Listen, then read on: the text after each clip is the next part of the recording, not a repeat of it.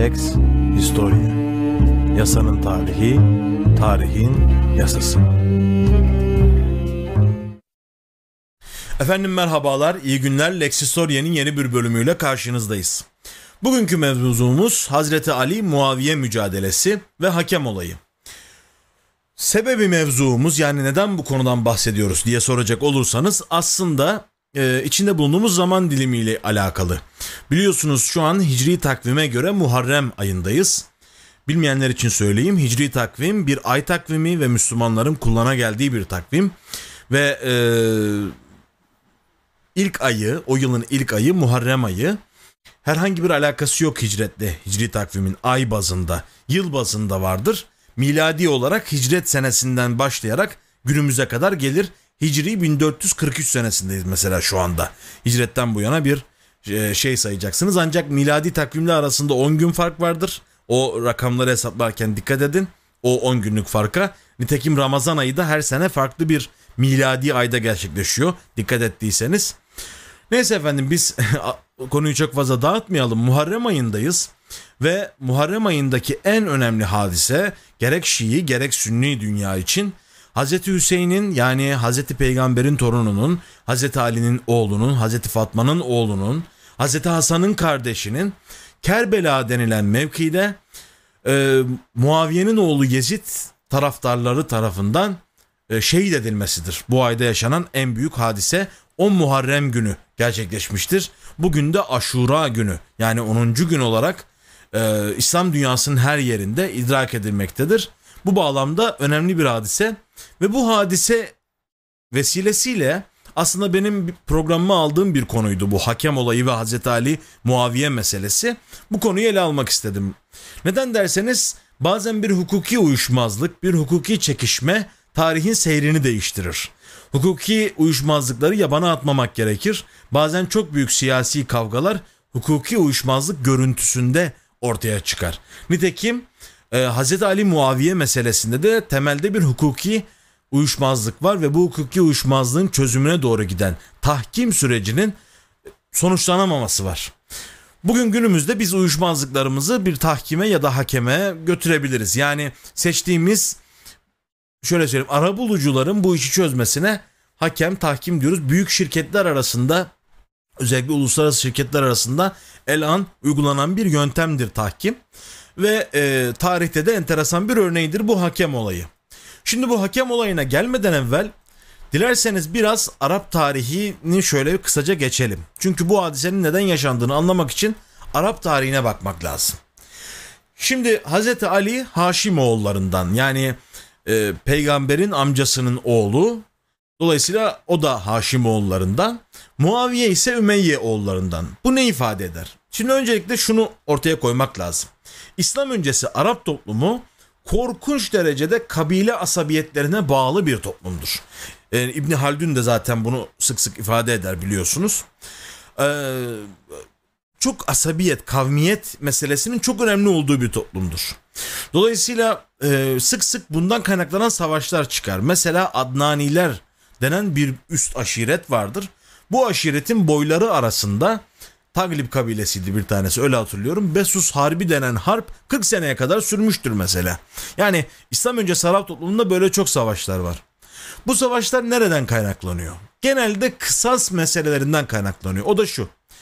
X kabilesinden birisi Y kabilesinden birisini bir kavgada öldürdü diyelim.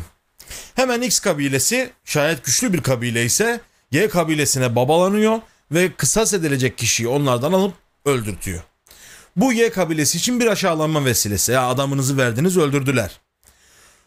Aynı kurgu X kabilesinden biri Y kabilesinden birini öldürdü. Y kabilesi çok güçlü. X kabilesi sus- susmak zorunda kalıyor. Ve bir barış anlaşması yapılıyor. Ama güçler denkse haydi bakalım büyük bir harp başlıyor bu iki kabile arasında. Bunların bazıları sokak kavgaları büyüklüğündedir. Bazıları biraz daha binlerle ifade edilecek büyüklüktedir ve çok ciddi işte çadır basmalar, ev yakmalar, şunlar bunlar korkunç hadiseler gerçekleşir. İslam öncesi Arap tarihini okuduğunuzda bunun çok örneklerini görüyorsunuz aktarılmakta. Bütün bu kabileler e, curcunasının ortasında da Hicaz bulunuyor. Şimdi haritada görüyorsunuz Suriye tarafında Gassaniler ve Irak tarafında Lahmiler diye iki uydu devlet var. Biri Sasanilerin, biri Romalıların uydusu.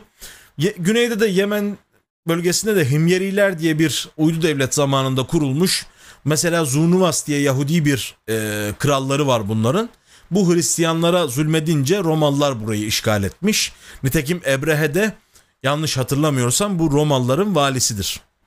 Yani o Kabe'yi işgal eden Ebrehe vardır ya fillerle beraber gider.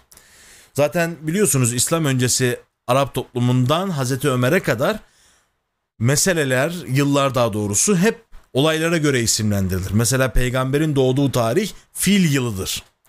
Ee, bu meseleyi Hazreti Ömer değiştirmiştir. Hicri takvimi o tesis etmiştir ve hicretin olduğu seneyi milat kabul etmiştir. Ee, dolayısıyla hicri takvimin hicretle ay bazında alakası yoktur, yıl bazında alakası vardır. Bunu muhakkak söylemek durumundayım. Diyanet İşleri bile bu hatayı yaptı. Hicret 26 sefer 12 Rebü'l evvel hicri takvime göre gerçekleşmiş bir hadise. Yani Muharrem ayı ile alakası yok. Onu tekrar söylemiş olayım. Şimdi efendim dediğimiz gibi e, böyle bir uydu devletler var sağında solunda ancak merkezde Hicaz'da onun yerine birkaç site devleti var. Mekke bunlardan en önemlisi. Neden önemli? Çünkü bir hac mekanı. Resimde görmüş olduğunuz Lat, Menat, Uzza gibi efendim yine nebatilerin taptığı bir başka putu görüyorsunuz. Pek çok sanem ve sen ve e, buna benzer şeyler. Yani bunlar put isimleridir. Tarzlarıdır daha doğrusu detayına girmeyeceğim. E, bulunduğu bir mekan Kabe. Hatta 360'a yakın putun bulunduğunu söylüyorlar. Öyle bir şeye gelmiş ki bu henoteist inanç deniyor aslında buna. Çok tanrıcı demek doğru değil. Yani göklerde bir tek tanrı var. Ancak o tanrıya ulaşmak için muhtelif putlara ibadet ediyorsunuz. Muhtelif bir takım alt küçük tanrıcıklara ibadet ediyorsunuz. Böyle bir e, inanç. Hatta öyle bir şey ki Hititlerin bin tanrı ili gibi Hazreti Meryem ve İsa figürlerini bile Kabe'ye koyup ona tapmışlar e, İslam öncesi Araplar. Dediğimiz gibi henoteistin henoteistliğin fazla olduğu bir toplum. E, İslam öncesi Arap toplumu ve bunların en büyük ibadet mekanı Kabe. Yine gerek İslam kaynaklarına gerek İslam öncesi Arap toplumunun inançlarına bakarsanız Kabe'deki, daha doğrusu Mekke'deki Kabe Beytullah Allah'ın evidir ve Hz. İbrahim tarafından inşa edilmiştir. Dolayısıyla milli olarak da önemli bir mekan. Ve efendim bu Mekke'nin yani Kabe'nin bulunduğu şehrin idaresi Kusay döneminden itibaren Kureyş adı verilen bir kabileye ait. Şimdi Kusay Hazreti Peygamber'in büyük büyük dedesi oluyor. Dördüncü kuşaktan dedesi oluyor. Toplumu o dönemde şimdi anakronik olmayalım, demokratik demeyelim ama antik site devletlerine benzeyen bir tarzda yönetiyor. Darün Nedve adı verilen bir teşkilat var. İleri gelenlerin oluşturduğu bir meclis. Bu meclisten alınan kararlara göre yönetiliyor Mekke. Ve bunların her birine büyüklüklerini temsilen hac esnasında yerine getirecekleri vazifelere göre bazı vazifeler verilmiş. Mesela diyorlar ki bir tanesine sen hacılara verilecek suyu tesis edeceksin. E, sikaye görevi, sakilik görevi. Efendim bir tanesine işte Kabe'nin üzerindeki örtüyü sen ayarlayacaksın. Bunlar sembolik fakat çok önemli görevler. E, halen daha sürdürülüyor aslında e, bugün Suudi Arabistan'da. Bu görevlerden dolayı Kusay'ın oğulları arasında bir uyuşmazlık çıkıyor. Daha sonra Kusay'ın torunları arasında uyuşmazlık çıkıyor. Sürekli gücü eline alan biraz toparlayan başka bir göreve talip oluyor. Kusay'ın torunu yani Abdümenaf'ın oğlu Amr çok zengin ve cömert bir zat. Hatta kıtlık zamanında halka ekmek parçaları dağıtmış. Bu nedenle kendisine Haşim adı verilmiş. Yani parçalayan, ekmek parçalayan, dilimleyen. Onun bu Ali cenaplığı Kureyşliler arasındaki itibarını fevkalade arttırmış. Bir kardeşi var adı Ümeyye. Ümeyye oğulları dedik ya başta. İşte oradan geliyor. Daha sonra Emeviler aynı kökten geliyor. Ümeyye gariban bir adam böyle bir imkanı yok. Ancak onun oğlu Abdüşşems biraz palazlanınca amcası Haşim'e ters gitmeye başlıyor. Diyor ki şu sikaye ve rida, rifade yani yine hacılara hizmet görevleri bunlar. Onlardan bir kısmını bana verin ya falan yapıyor. Bunun üzerine uyuşmazlık bir kaynaklarda kahin diye geçiyor ama ben bunu e, Musevi literatüründeki kohenlere benzetiyorum. Yani bir bilgine, bir hakeme götürülüyor Ve hakem Ümeyye'nin haksız olduğuna hükmederek Ümeyye'yi Şam'a sürüyor. Şam yeni bir mekan açıldı. yeni çar açıldı. Şam önemli bir yer. Efendim ve Şam'dan Mekke'ye 10 sene boyunca dönemiyor Ümeyye. 10 senenin ardından dönen Ümeyye oğulları bu kuyruk acısını hiç unutmamışlar. Her zaman saklamışlar.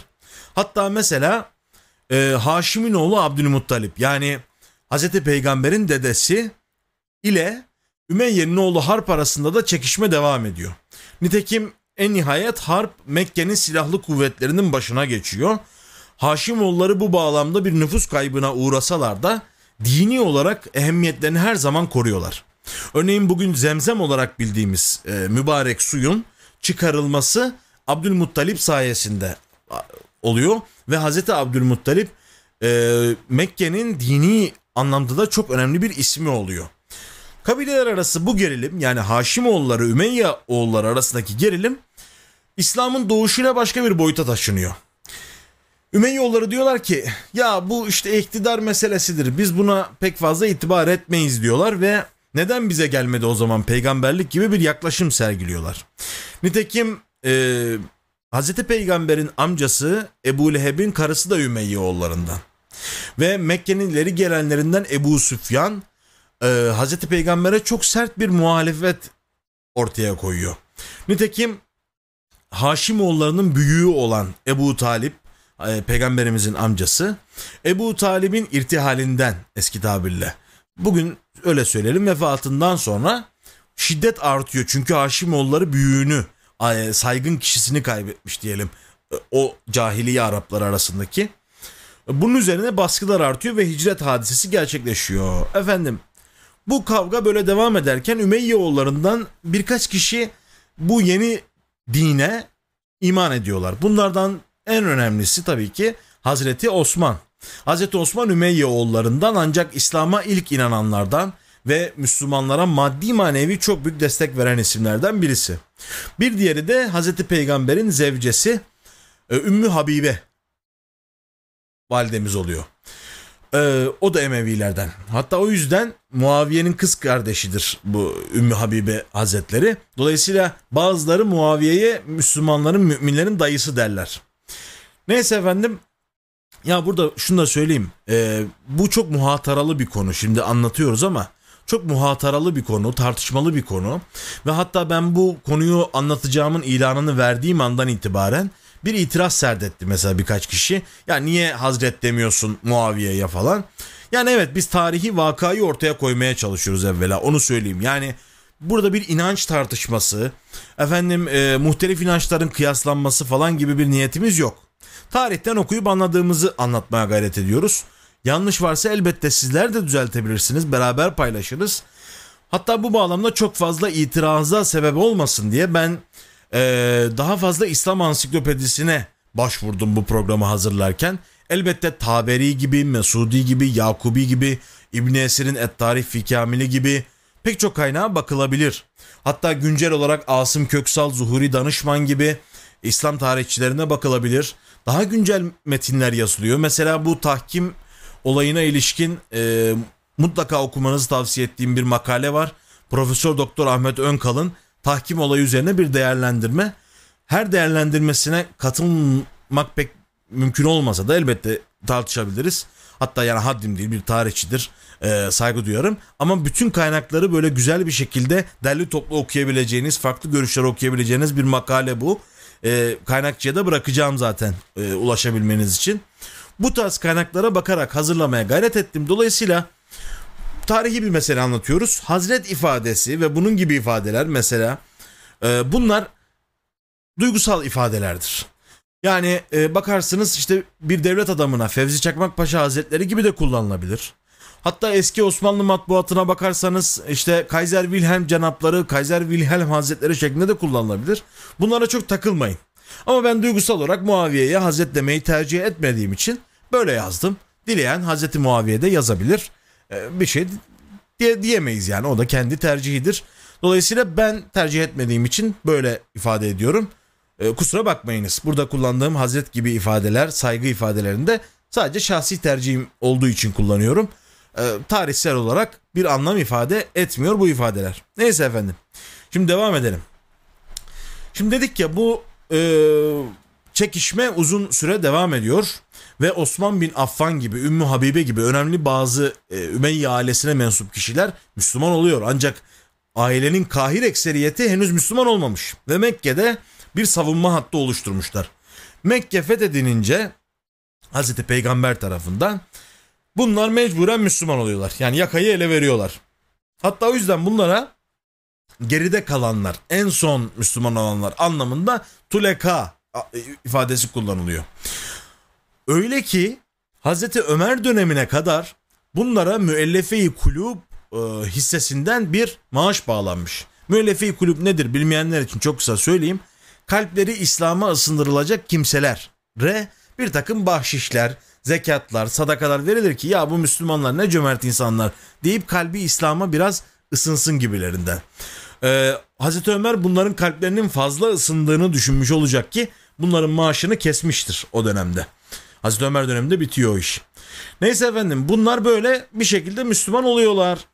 Fakat e, aslında şeylere de katılıyor. Harplere falan da katılıyorlar ancak eskisi kadar ön planda değiller. Çünkü İslam bütün o Arap toplumunun e, asalet makamlarını, şunlarını bunlarını değiştirmiş.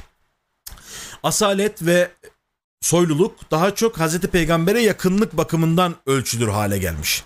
O da nasıl efendim işte Hazreti Peygamber'in filanca savaşına katılanlar, Uhud, Hendek, Bedir ashabı bunlar daha ön planda. Hazreti Peygamber'in övdükleri, Hazreti Peygamber'in yanında işte alim olarak bulunanlar vesaire. Dolayısıyla bu dünyada Emevilere, Ümeyyoğullarına çok fazla yer yok.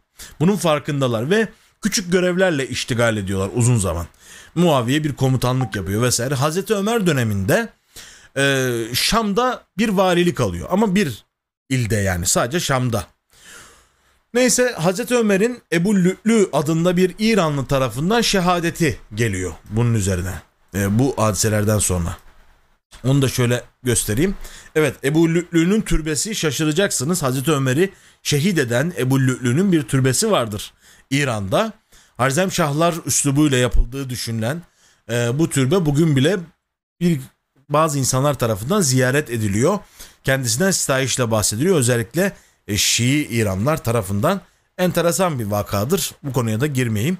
Belki bir gün başka bir vesileyle gireriz. Efendim Hazreti Ömer'in irtihalinden sonra bir yine meclis kuruluyor. Bir e, meşveret meclisi kuruluyor. Ve bu meclis Hazreti Osman'ın halife olmasına karar veriyor. Bunun üzerine insanlar gidiyorlar Hazreti Osman'a biat ediyorlar. Onu da söyleyeyim yani e, yine seçim diyemeyiz ama halkın rızasıyla iktidara geliyordu ilk halifeler. O da şöyle halife ortaya çıktı diyelim. Herkes gelip onun elini sıkıyor ona biat ediyor. Ehli hal vel akt yani seçme ehliyeti olan kişiler gelip onun eline sıkarak ona biat ediyorlar. Böyle bir usul var. Dolayısıyla insanlar da Hazreti Osman'a biat ediyor. Hazreti Osman hilafet postuna oturuyor. Efendim ancak Hazreti Osman yaşça biraz ileri. Ve Muaviye de şunun farkında. Ümeyyoğullarının gelebileceği en üst nokta bu. Bundan sonra Hazreti Osman'a bir şey olursa bir daha hiçbir Ümeyyoğlu hiçbir yere gelemez. Yani onun zihniyetinin bu olduğunu anlamak zor değil. Bu bağlamda da şunu yapıyor. Ee, evvela kendisi Suriye'deki yerini sağlamlaştırıyor ve Suriye Umum Valiliği bugünkü modern tabirle prokonsül oluyor. Ve e, o bölgeden Beni Kelp diye bir kabile var. Köpek oğulları diye çevirmek doğru değil ama yani öyle de çevirebilirsiniz. Çünkü Arapça kelp köpek demektir. Bunlar Hristiyanlığı kabul etmiş bir kısmı ve onlardan Meysun adında bir kadınla evleniyor. Yezid'in anası olacak bu. Ondan sonra bir Naile adında bir hanımefendiyi de yine o kabileden Hazreti Osman'la evlendiriyor. Hazreti Osman Naile ile evli Medine'de Muaviye de Şam'da Meysun'la evli ve Şam'da Romalıların adetleri, alışkanlıkları üzerine çalışıyor. Hatta böyle ufak bir donanma teşkilatı kuruyor. Zaten bağımsız tarihçilerin söylediğine göre yani ahlaki tarafları şusu busu bir yana Muaviye hakikaten önemli bir siyasetçi. Ve İslam tarihinde gerçekten teşkilatlanma adına çok önemli adımlar atmış bir adam. Dolayısıyla e, bazı insanların kendisine sempatiyle yaklaşmasını bu bağlamda ben anlayabiliyorum. Yani devletçi bir bakışla bakarsanız, iktidar bakış açısıyla bakarsanız, hele hele e, Halife Abdülmecid'e kadar gelen halifeliğin bir şekilde bir halkası oluşuyla düşünürseniz çok da şaşılacak bir şey değil belki bu sempati. Neyse efendim Şam'da yerini kuvvetlendiriyor bu Muaviye. Fakat e, Emeviler Hazreti Osman'ın yaşlılığından istifade ederek e, ülkenin her tarafında bir takım görevler almaya başlıyorlar. Ve bu da belirli bir muhalefet yaratıyor. Yani insanlar bundan rahatsız oluyorlar. Belli uygulamalar var. E, am, işte Ammar bin Yasir'e uygu, e, uygulanan şiddet gibi efendim Abdullah İbni Mesud'a uygulanan şiddet gibi bazı uygulamalar var. Bunlardan da insanlar biraz rahatsız. Bu nedenle de e, bir isyan hareketi doğuyor. 5000 bin kişilik bir grup Medine'ye giriyorlar ve e, Hazreti Osman'ın evinin etrafını sarıyorlar. Enteresandır e, Hazreti Ali her ne kadar Hazreti Osman'ın bu uygulamalarına pek destek vermese de e, Hazreti Osman'ın savunulması için oğullarını Hazreti Hasan ve Hazreti Hüseyin'i gönderiyor. Hazreti Osman'ın evi müdafaa ediliyor ancak birkaç gün sonra bacadan giren iki kişi, üç kişi olması lazım kendisini şehit ediyorlar. Bu da bizim kutsal emanetlerde bulunan Kur'an nüshası Hazreti Osman dönemine tarihlenen yanlış bilmiyorsam lütfen düzeltin makili denen eski bir yazı tipiyle yazılmış Kur'an nüshaları. Şimdi efendim Hazreti Osman şehit ediliyor en nihayet. Ee, hanımı Naile'nin de parmakları kesiliyor bu hengamede. Bunun üzerine tabii ki Medine karışıyor. E, isyancılar uzun bir müddet orada duruyorlar ve Hazreti Ali o hengamenin içerisinde halife nasbediliyor. Halifeliğe geçtikten sonra biatları kabul ediyor insanlardan ve hilafet postuna bu defa Hazreti Ali oturuyor. Hazreti Ali çok kuvvetli bir isim. Şimdi az evvel burada minyatürleri geçti. Onun üzerinde çok fazla duramadım. Ancak e, Hazreti Peygamber döneminden itibaren hep harplere katılmış bir insan. Ve e, özellikle İslamiyet öncesinde pek çok Arap daha doğrusu İslamiyet'in yayılış aşamasında pek çok Arap toplumundan kişileri e, öbür dünyaya yollamış bir kahraman. Hatta ona atfedilen isimlerden bir tanesi Haydar yani Haydar-ı Kerrar daha doğrusu döne döne savaşan aslan e, savaş meydanında. Dolayısıyla bizim Hazreti Ali cenkleri, Muhammed bin Hanefiye cenkleri bir geleneği vardır. Bizim edebiyatımızda hep kahramanlık, fütüvvet Hazreti Ali ile ilişkilendirilir. Dolayısıyla genç de bir isim ve çok büyük bir e, ilim adamı, bilim adamı hatta o dönemde. Çok iyi edebiyat bilen, efendim tarih bilen e, ve e, anladığımız kadarıyla muhtelif dilleri de bildiğine dair bir takım rivayetler var. Süryanice'yi vesaire bildiğine dair rivayetler var. Çok önemli bir isim. En başında okuma yazmayı bilmesi bile o toplum içerisinde çok önemli bir e, hadise. Dolayısıyla Hazreti Ali çok önemli bir figür. Ee, İslam'ın gerek yayılış aşamasında gerekse sahabeler arasında. Ve dolayısıyla o hilafet postuna geçiyor ancak bazıları kendisinden pek memnun olmasa gerek. Ve bu memnuniyetsizlik e, Hazreti Osman'ın şehadetinin ardından geçmesi sebebiyle bir kısım insan tarafından körüklenmeye başlıyor. Şimdi temelde şöyle bir söylem ortaya çıkıyor. Hazreti Osman büyük bir hengamede neredeyse linç diyebileceğimiz bir hadiseyle şehit edilmiş.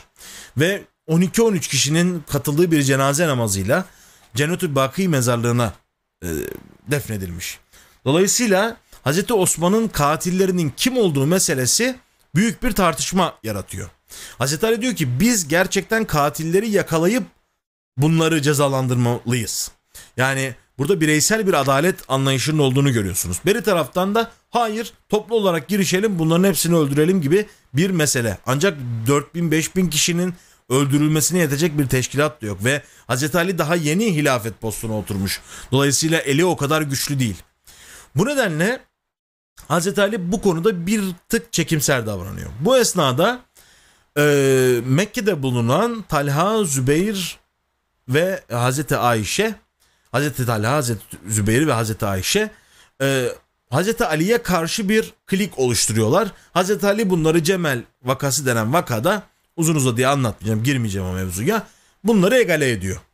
Bunun üzerine Muaviye şöyle bir iddia ile ortaya çıkıyor. Diyor ki Hazreti Osman benim akrabamdı ve Naile benim yengemdi. Aynı zamanda eşimin de akrabası Beni Kelp kabilesinden. Dolayısıyla Hazreti Osman'ın kısasını ben talep edebilirim. Az evvel anlattığım kabile ve kısas meselesine hatırlayın lütfen. Ben talep edebilirim diye ortaya çıkıyor. Nitekim İslam hukukuna göre de kısas e, akrabalar tarafından talep edilen bir şey. Yani doğrudan devletin uyguladığı bir şey değil. Akrabalar isterlerse affedebilirler ve para cezasına, kan parasına çevrilebilir İslam hukukuna göre. Muaviye böyle bir taleple ortaya çıkıyor. Ancak ona şöyle bir tepki veriyorlar. Yani kardeş Hazreti Osman'ın çocukları yaşıyor. Onlar kısası talep edebilir. Sen nereden çıktın? Ve böyle bir hukuki uyuşmazlık ortaya çıkıyor aslında en temelde. Zaten pek çok sünni kaynağın bunu işte bir iştihat farkıdır efendim falan filan diye anlatmasının sebebi aslında bu. Ancak bu hukuki uyuşmazlık görüntüsündeki isyan çünkü ne alaka yani kısas talep ediyorsunuz. Diyorsunuz ki ben akrabamın kanını istiyorum. Ama aynı zamanda da diyorsunuz ki Hazreti Ali hilafeti terk etsin. Yani böyle bir enteresan bir talebe varıyor bir noktadan sonra. Ve e, bir kişinin kısasını talep eden e, bu kadar hassas, bu kadar titiz Şam valisi efendim sıfında yüzlerce, binlerce Müslümanın karşı karşıya gelmesine sebebiyet veriyor. Bugün Suriye'nin bugünkü Suriye'nin Rakka bölgesinde bir yer bu sıffın. İki ordu karşı karşıya geliyor. E, hatta Leyletül Harir denen büyük bir gece vardır böyle çok sıcak bir gecede iki ordu birbirine giriyor. Ve bir Pirus zaferi yani iki ordunun da neredeyse birbirini yok ettiği bir savaş başlıyor. Uzun müddette böyle uzaktan uzağa birbirini kesen bu iki ordu büyük bir harbe başlıyor. Mukatele devam ederken e, Muaviye'nin bir kabinesi var. Şimdi biraz ondan bahsedeyim. Enteresandır. Muaviye Duhatül Arap, Arap dahileri denen bir ekiple çalışıyor. Bu ekibin içinde kim var? Amr İbn Las. Daha sonra Mısır valisi olacak.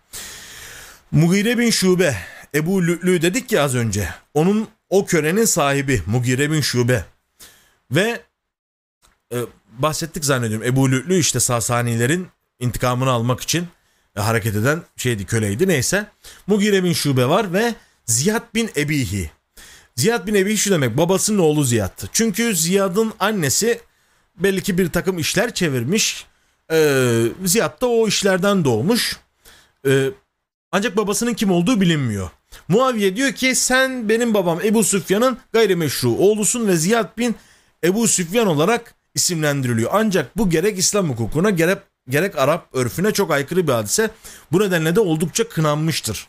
E, Muaviye tarihi içerisinde böyle bir ekip. Bunlara Arap dahileri, Arap geniusları deniyor.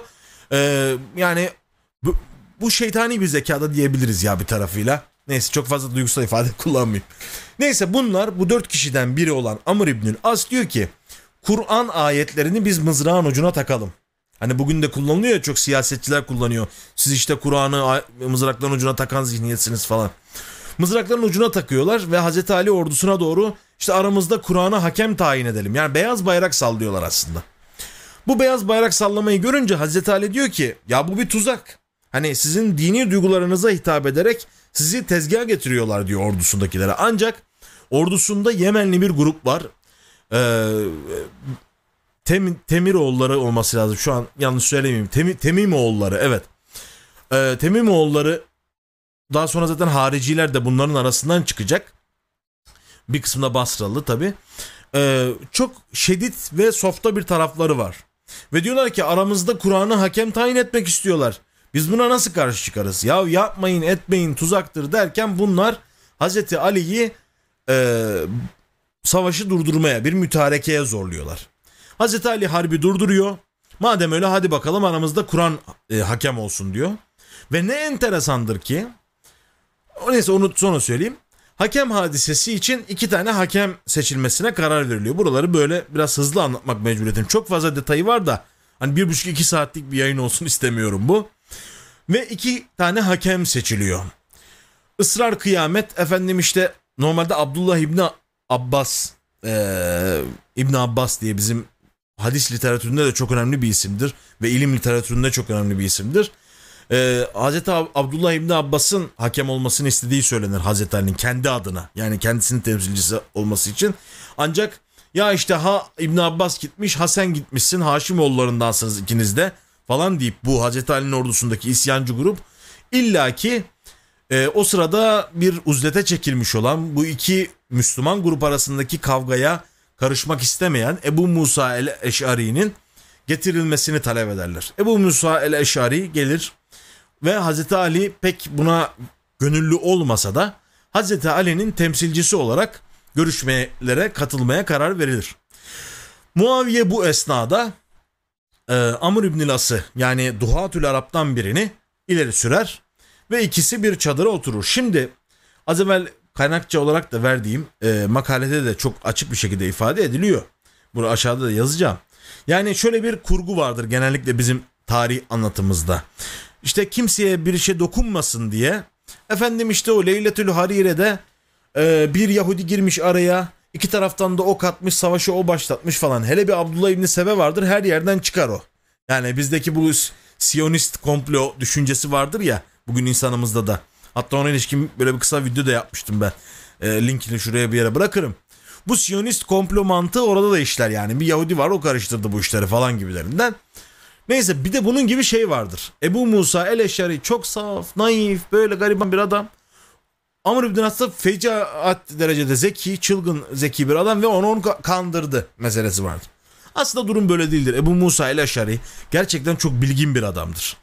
Ee, bir mezhebin kuruluşuna bile e, ön ayak olabilecek kıymetli bir adamdır. Ve Ebu Musa el-Eşari e, yaşının verdiği de bir olgunluk var. Ancak burada bir tufaya getirilmiş açıkçası. Şöyle söyleyelim.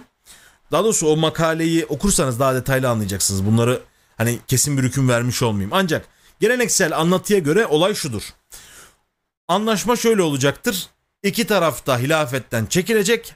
Abdullah İbni Ömer yani üçüncü bir şahıs Hazreti Ömer'in oğlu halife olarak nasp edilecek şeklinde bir karara varır Ebu Musa ile Eşari ile Amr İbni Las. Halka bunu açıklamak için ortaya çıkarlar. Bir rivayete göre yüzük, bir rivayete göre kılıç. Ebu Musa ya der ki Amr ibn As hadi buyur sen büyüksün sen önden başla. O da der ki bu yüzüğü çıkardığım gibi e, Ali'yi görevinden azlediyorum. Hani bekler ki Amr ibn As da Muaviye için diyecek aynı lafı. Amr ibn As bu sefer der ki ben de bu yüzüğü taktığım gibi Muaviye'yi halife ilan ediyorum. Haydi bakalım birbirlerine bu sefer girer e, millet. Efendim işte kandırdın beni şöyle oldu böyle oldu. Hakem olayı başarısız olarak sonuçlanır. Profesör Doktor Ahmet Önkal Selçuk Üniversitesi İlahiyat Fakültesinden e, diyor ki bu hadise böyle gerçekleşmemiş olabilir. İki tarafta ikisinin de hilafetten ayrılması şeklinde bir hükümde anlaşmışlardır. Amr bin As'ın illaki böyle bir tezgah yapmasına gerek yok. Tarihen de mantıklı değil diyor. Yani orada kendince haklı gerekçeler sunuyor. Yani o da diyor ki Muaviye o sırada halife değil ki e, böyle bir şey olsun. Yani e, ben onu hilafette korudum tuttum gibi bir, bir ifade kullansın diyor. Tartışmalı bir mevzu. O makaleyi de okursanız farklı görüşleri bir arada görebileceksiniz zaten. Şimdi efendim bu hakem olayı başarısız oluyor. Ve bunun üzerine Hazreti Ali Küfe'ye çekiliyor. Muaviye de Şam'a çekiliyor ve bu iki klik arasındaki harp Hazreti Ali'nin hariciler tarafından bu ordusundan ayrılan zümre vardı ya hariciler tarafından şehit edilmesine kadar sürüyor. Batılı bir ressamın gözünden Muaviye'yi görüyorsunuz e, şu an ekranda. Ve Hz. Ali'nin şehadetinden sonra camide şehit edildikten sonra sabah namazına giderken daha doğrusu şehit edildikten sonra Muaviye'nin eli iyice güçleniyor. Hz. Ali de ortadan kalkmış bir şekilde ve Hz. Ali'nin oğlu Hz. Hasan henüz 6 ay hilafet yapabiliyor bu hadise üzerine. Muaviye Hz. Hasan'ın üzerine gidiyor ve Hz. Hasan da bizim İslami kaynakların söylediğine göre daha fazla Müslüman kanı dökülmesin diyerek e, hilafeti terk ediyor ve Muaviye İslam coğrafyasının bir anlamda yeni lideri oluyor.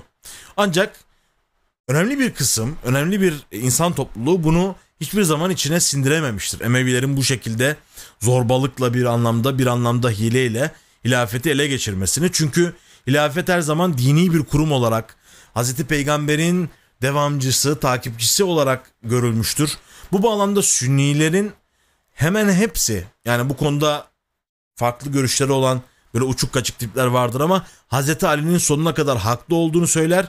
Ancak bir kısmı sahabedendir diye Muaviye'ye pek fazla söz söylemez. Bir kısmı e, daha farklı yaklaşır meseleye. Ancak mesela Oral Çalışlar'ın Hazreti Ali Muaviye kavgası diye bir kitabı vardır. O kitapta Sünniliğin bunun üzerine doğduğu şeklinde bir tespit var. Aslında bu çok doğru değildir. Yani mesela Türkiye'deki insanların çoğunluğu Hanefi mezhebindendir.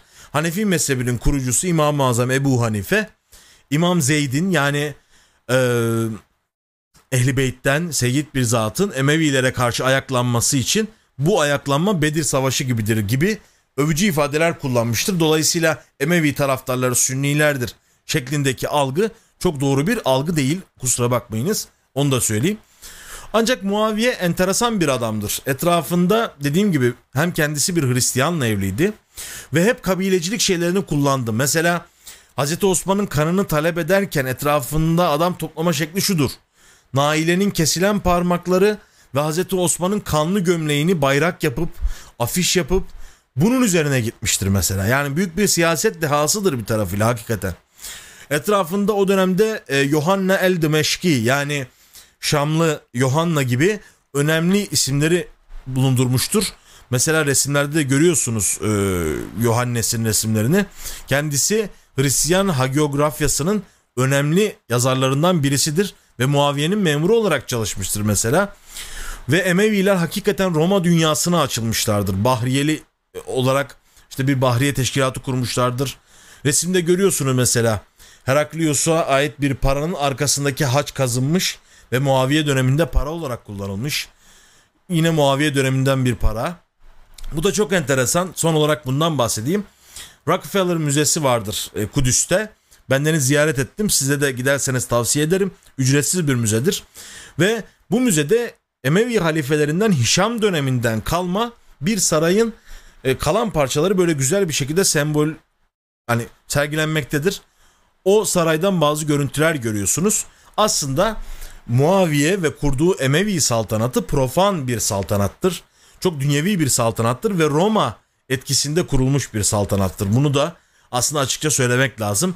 Nasıl Abbasiler üzerinde bir Sasani geleneğinin etkisi varsa Muaviye ve kurduğu teşkilat bakımından da Romalıların büyük bir tesiri vardır. Bu işin tabii ki siyasi ve dünyevi boyutu ancak elbette e, Müslümanların kahir ekseriyetinin gönlü Ali'den yana olacak ki Muaviye ismi bilhassa biz Türklerde çok az kullanılmıştır.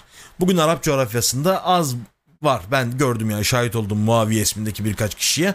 Ancak mesela onun oğlu Yezid'in ismi hiç kimseye konmaz. Hakaret olarak kullanılır. Ee, onu, ancak Hazreti Ali, Hazreti Hasan, Hazreti Hüseyin'in ismi her zaman insanlar arasında kullanıla gelmiştir. Bu da önemli. Bir sonraki programımızda e, biraz konu dışına çıkacağım. Madem bu ayın içerisindeyiz. Sünni dünyada Osmanlı İstanbul'un da Muharrem geleneklerinden bahsetmeye çalışacağım. Kısaca hakem olayı budur. Hukuki bir uyuşmazlık tarihin seyrini değiştirmiştir. Bugün bile devam eden bir tartışmanın fitilini ateşlemiştir. Ve açıkça söylemek gerekirse İslam'ın doğuşundan henüz 30-40 yıl geçmeden siyaset ve siyasi kavgalar bugün olduğu gibi o günde İslam coğrafyasını allak bullak etmiştir. Ee, yani diyor ya işte Neyzen Tevfik feleğin başında paralansın parası diye. Hakikaten feleğin başında paralansın parası. Ne hak bırakıyor ne hukuk bırakıyor. Ancak siz yine de hakla kalın, hukukla kalın, sağlıcakla kalın efendim. Lex Historia Yasanın tarihi, tarihin yasası.